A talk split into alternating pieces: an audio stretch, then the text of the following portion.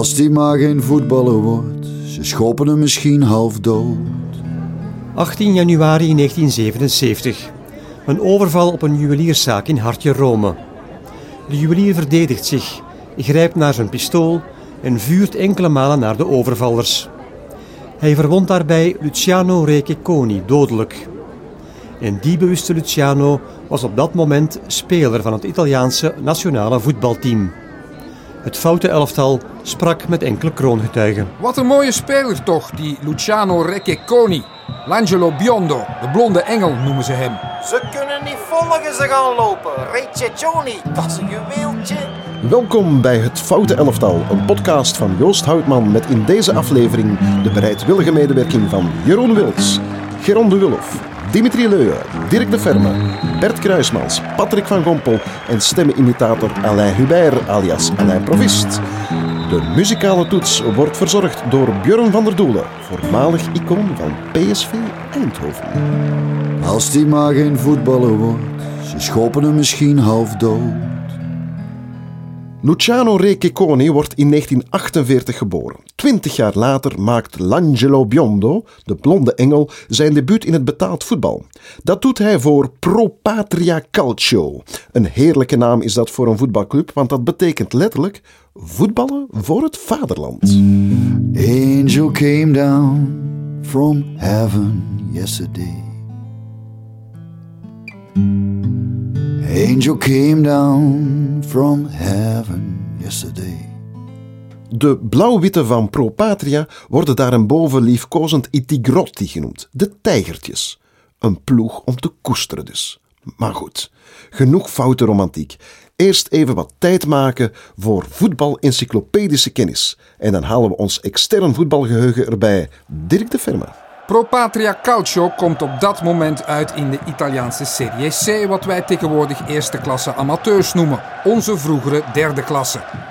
Luciano Receconi is een bijzonder goede middenvelder. Hij valt op en kan een jaar later al een niveautje stijgen naar de Serie B. Dan tekent hij in het diepe zuiden van Italië bij Foggia.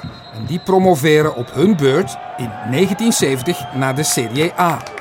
Op twee jaar tijd steeg Cecconi dus van de Serie C naar de Serie A.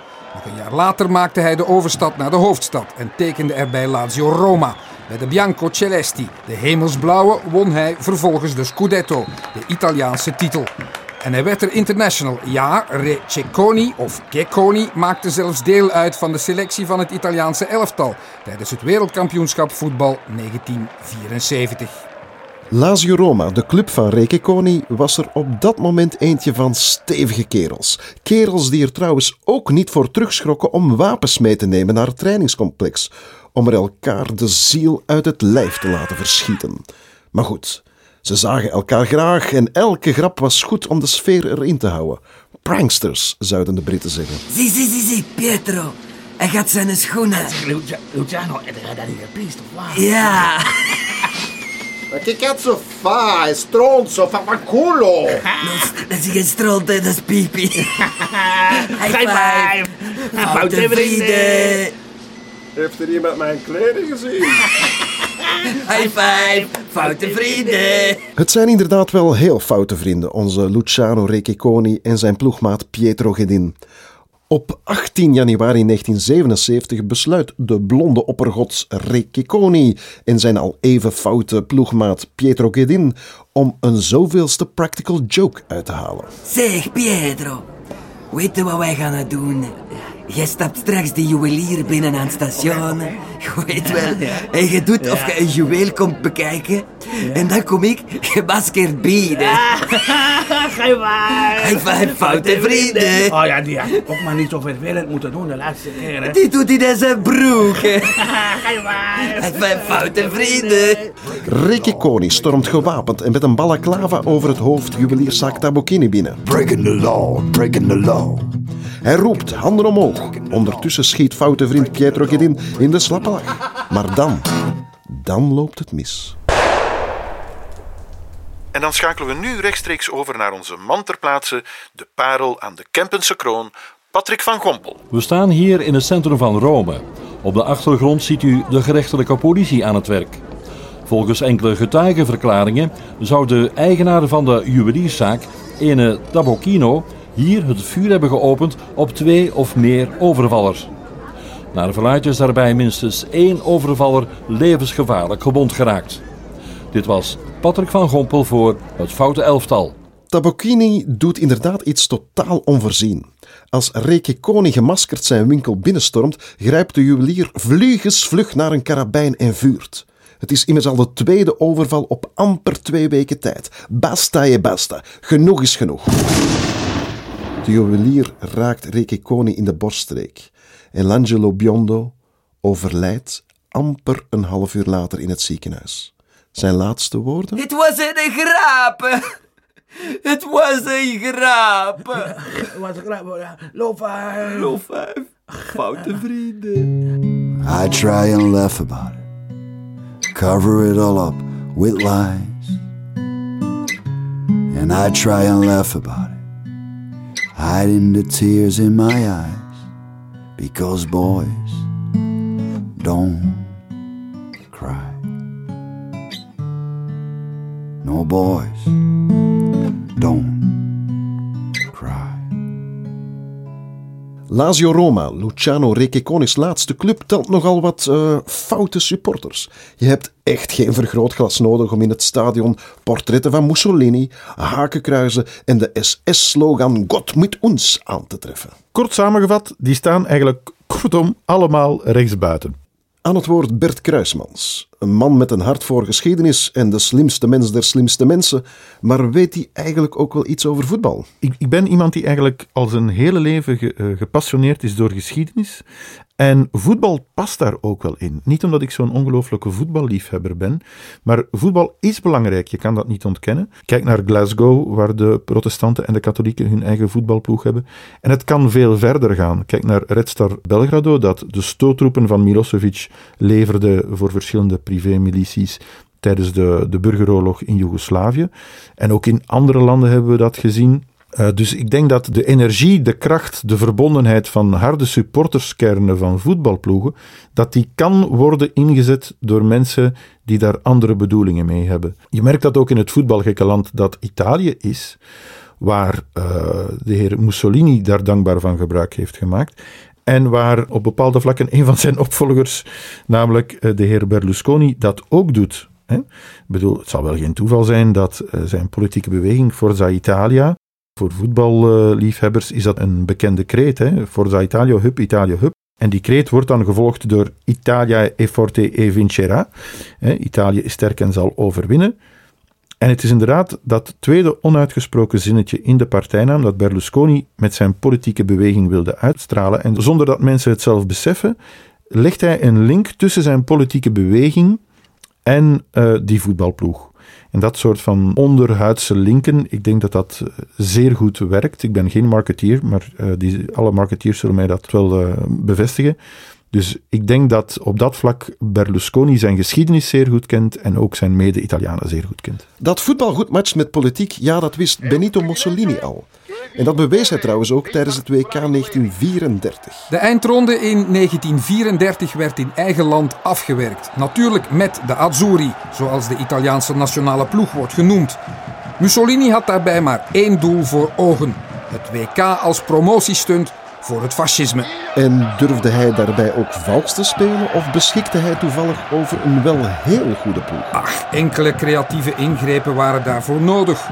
Zo bleken de voormalige Argentijnse internationals Monti, Guayata en De Maria en de Braziliaan Guarisi bij aanvang van het WK plots volbloed Italianen. Vier jaar nadat Luis Monti met zijn geboorteland Argentinië de WK-finale verloor, won hij ze dus in 1934 wel met zijn nieuwe thuisland, Italië. Ik wist het, ik wist het. Italië staat met 12 man op het veld. Wat doet de ref nu? Hij geeft een voorzet. Goal! Het is goal voor Italië. De halve finale wordt hier beslist dankzij een goal. Na een voorzet van de Zweedse scheidsrechter Ivan Eklund. Moeder, moeder, moet er nog meer kolder zijn? Mussolini zette Il Calcio volledig naar zijn politieke hand.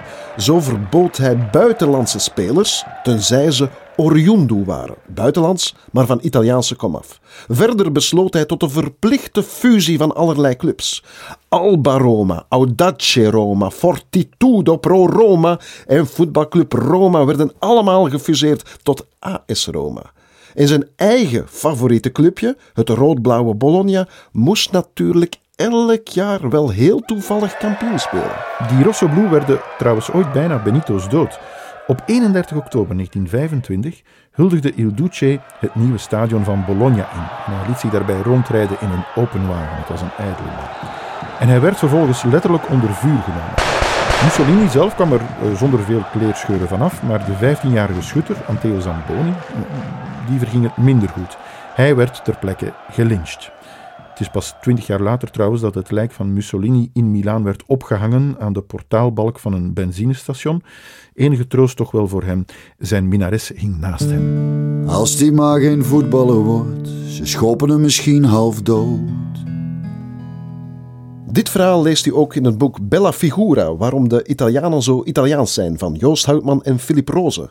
Bella Figura is uitgegeven bij uitgeverij Vrijdag en vindt u vanaf mei bij uw plaatselijke boekenboer. Dit was het Foute Elftal. Niets fouts aan deze podcast, behalve de makers ervan misschien. Mijn naam is Joost Houtman, de man achter de knoppen is Kevin Kools en het productiehuis is New Impact. In een volgende aflevering van het Foute Elftal hebben we het onder andere over. Ach ja, dat hoort u dan wel. Maar voor het zover is, is het tijd voor wat extra tijd. We zijn nu even in uh, extra tijd. Dankjewel uh, Dimitri Leu en Geron de Willof voor jullie uh, meer dan aangename bijdragen met alle verschillende stemmetjes. Dimitri, dat jij goed kan voetballen, dat heb ik al gemerkt. Ongelooflijk. Ik heb al het genoeg gehad om samen met jou te mogen douchen. Ja, dat is ook waar. Oké, okay, ik, ik, wil hier precies niet meer bij zijn. Eigenlijk. Ja, maar dat samen douchen, ja. Of apart samen douchen. Ja, het was apart samen douchen. Ja. Maar mijn vraag is, ik weet dat je goed kan voetballen, maar ben je ook een voetbalsupporter? Eigenlijk niet echt. Hè. Ik, ik weet dat jij echt een heel rood hart hebt en daar heel veel voor over zou hebben. Ik hou van voetbal, maar ik heb niet een ploeg waar mijn hart van bloedt als, het, als de ploeg verliest. Of... En kijk je af en toe naar voetbalwedstrijden thuis? Ja, dat wel. Hè. Ik kijk heel graag voetbal. En ik volg ook wekelijks uh, al die samenvattingen, zelfs bij de BBC. Uh, Match of the day. Ja. dat kun je monteren, hè. je moet dat niet zelf zien. Ja, nee, ik doe dat allemaal zelf. Ah ja, dat is wel kijken. Ja, knap van ja. Met de voetbal doe je ook soms te veel zelf, denk ik. Nee, dat is niet waar. Oké. Okay. Geron, ja. dat jij een groot voetbalsupporter bent, dat weet ik. Mm -hmm. We hebben elkaar al een paar keer uh, tegenkomen. Uh, ja. Innig gekust, zelfs al op, op de tribunes van, uh, van de Bos. Ik het aan douchen, maar het is, ook een groot hart. Ja, ja, het is, uh, het is nog geen douchen, maar uh, we hebben zelfs trouwens al samen de vandag eens ge... Ja, gepresenteerd. Maar speel je zelf voetbal? Ik heb vroeger wel gespeeld, ja. Ik was een, eerst een, een goede spits. En dan een slechte spits. En dan ben ik een, een, een rustige keeper geworden. Ja. ja. Je bent niet zo spits, hè, uiterlijk Toen gezien, niet, toen, ja, toen wel. Ja, toen wel ja, En, het, het, het, het Maar- maar- zware is erna gekomen. Maar ik ben op mijn 15 wel gestopt en ben ik gevechtsporten beginnen doen. Omdat ik daar toch iets beter in was dan... en gevechtsporten in de zin van? Eh, jij slaagt en ik slaag terug. Dat kan bij rood-wit ook ja, ja, dat komt er ook van pas op de 3.2. Zeg, en heb jij een eh, speler waar je compleet weg van bent? Dat je denkt van, als ik herboren word, dan, eh, dan wil ik terugkeren als... Ehm, je had die vraag vijf minuten geleden moeten stellen en dan had ik erover kunnen nadenken. Ja. Ja, ehm, mijn all-time favorite, en dat, Mhm. dat heeft een beetje te maken met het feit dat mijn papa van Chili komt, is eh, Marcelo Salas. Eh, legendarische spits van Chili. eh, heeft de meeste goals ooit gemaakt voor Chili. Is nu voorbijgestoken door Alexis Sanchez. Eh, maar die heeft in 97 Chili terug naar de Mondiaal getrapt. Ehm, ik was daar toen. Ik heb toen die match live gezien. eh, Chili-Bolivia 3-1. En je was Eh, daar Ik was in? in Chili, ja, in In Santiago. Chili, ja. ja. 77. In 97. Ah, oké, maar ik dacht al, hoe oud is? En, en, En- en, en eh, niemand hoe, kende die groot is, hoe groot is dat stadion dan? Uh, moeten we ons erbij voorstellen? 80.000 man, echt Ja, en die allemaal zot Ja, worden. Ja, allemaal zot worden. Dat was een feestje heel die nacht. Maar niemand kende die, want die speelde in Chili. Ehm, en ik- ik, ik zei Bij? tegen iedereen... Ehm, ik, oorspronkelijk bij Colo Colo en dan bij Universiteit, denk ik. Ehm, Maar het grappige was, ja, dat internet dat, dat leefde nog niet. En niemand Zeker kende niet die hier. Ja, maar hier ook niet, geloof me. Niemand kende die. En zo tegen dat de er was, had ik zoiets van, "Huh, pas maar op, Salas. En iedereen had zo, wie is Salas? Die gaat scoren. En eff- effectief, hij heeft twee golen gemaakt tegen, tegen Brazilië. En iedereen had zoiets van, wat een spits. En is hij verhuisd naar, eh, ik denk Lazio, Lazio Roma. Heeft Ja. jaren gespeeld. Bij Juve heeft hem gespeeld.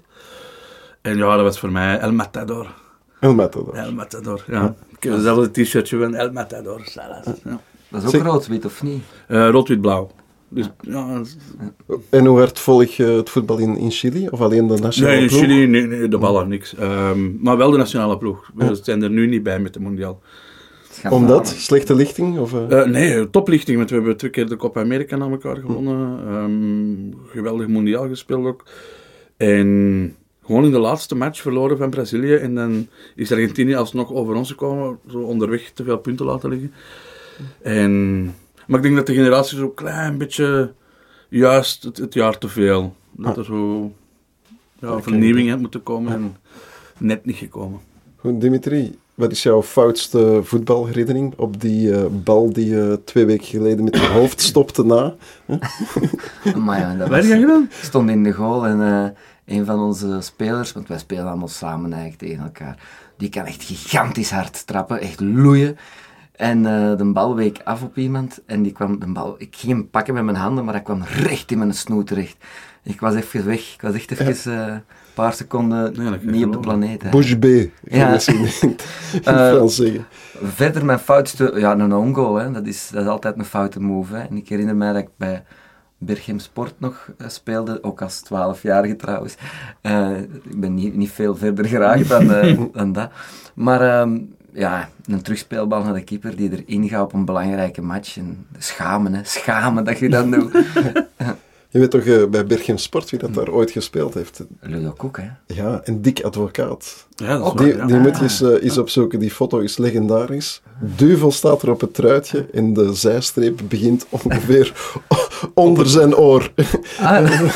Een beetje met overleg gekamd. Dus eh, als jij zou kunnen terugkeren als voetballer, Ja.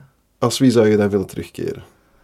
Ja, dat is echt zo'n moeilijke vraag, uiteraard. Maar ik vind nu, Dries Mertens is eigenlijk nu mijn grote voorbeeld. Grote.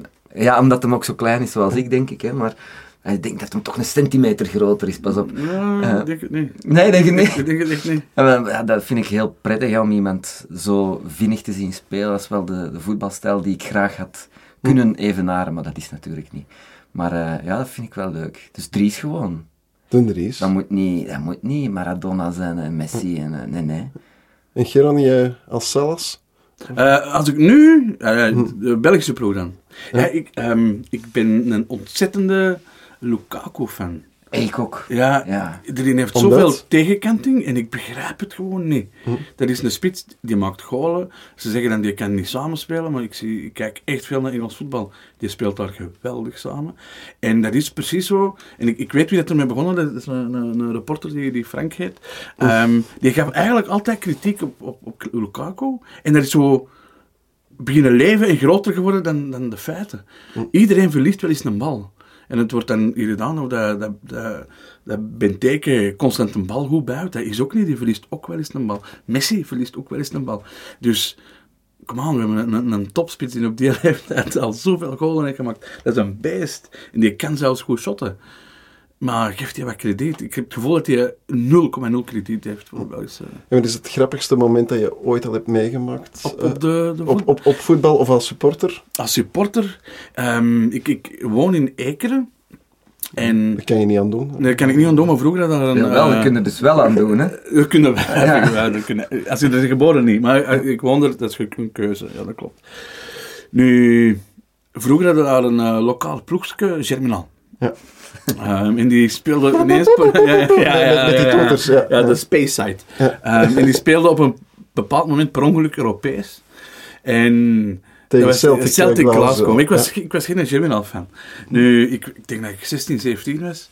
En ik rijd naar de bibliotheek. Ik was naar de bibliotheek met mijn boek. Ik rijd naar de bibliotheek, ik geef mijn boeken af en ik rijd terug. En ik kom schotten tegen. En die hebben zoiets van, hey, stop. Hè. Ik stop met mijn fiets en wij beginnen te socializen. Dus ik ben mee een pitje te drinken. Dat is geëindigd dat ik gewoon mee het stadion ben binnengegaan, zonder ticket. Want die, die schotten liepen allemaal door in, in één keer die ze niemand controleren. Veldwijkpark. Het Veldwijkpark. Dat is dan nog 1-1 geworden met een goal van Smeller, denk ik, voor, de, voor, voor Ekenen. Maar ik ben dan pas om 12 uur thuis gekomen van de bibliotheek. Zo zat als heet. En ons moeder, ja, we hadden geen gsm's. Onze moeder ook weer ja, gezeten. bibliotheek. Dus ja, ehm, maar topavond, wel, topavond. En Dimitri, jouw momentje als supporter? Of, eh, Nou, ik herinner mij dat ik een, een, een match aan het spelen was, eh, dat mijn scho- eh, shoe was uitgevlogen. Eh, en dat, dat, dat ik iemand geraakt heb en dat ik daar een kaart voor heb gekregen. En dat vond ik waanzin, want, want allee, ik bedoel, dat doet het niet expres, hè. Allee, bedoel- Hoe graaf zou dat zijn dat je dat kunt expres doen? Goed. En dan sluiten we hierbij af. We gaan op zoek naar de shoe van, eh, van Dimitri. Ik heb hem wel teruggevonden natuurlijk, hè, maar ja, ik vond dat heel gek dat je daar een kaart voor kreeg. Maar dat schijnt, mogen niet shotten. Zonder shoe. Maar er is toch net zo'n goal goedgekeurd met iemand die een pas had gegeven met, op zijn kousen. Allee, dus, En mag dat niet? We duiken nu Wikipedia in. ja, En bij deze bedank ik Geron en Dimitri. graag gedaan. Graag gedaan.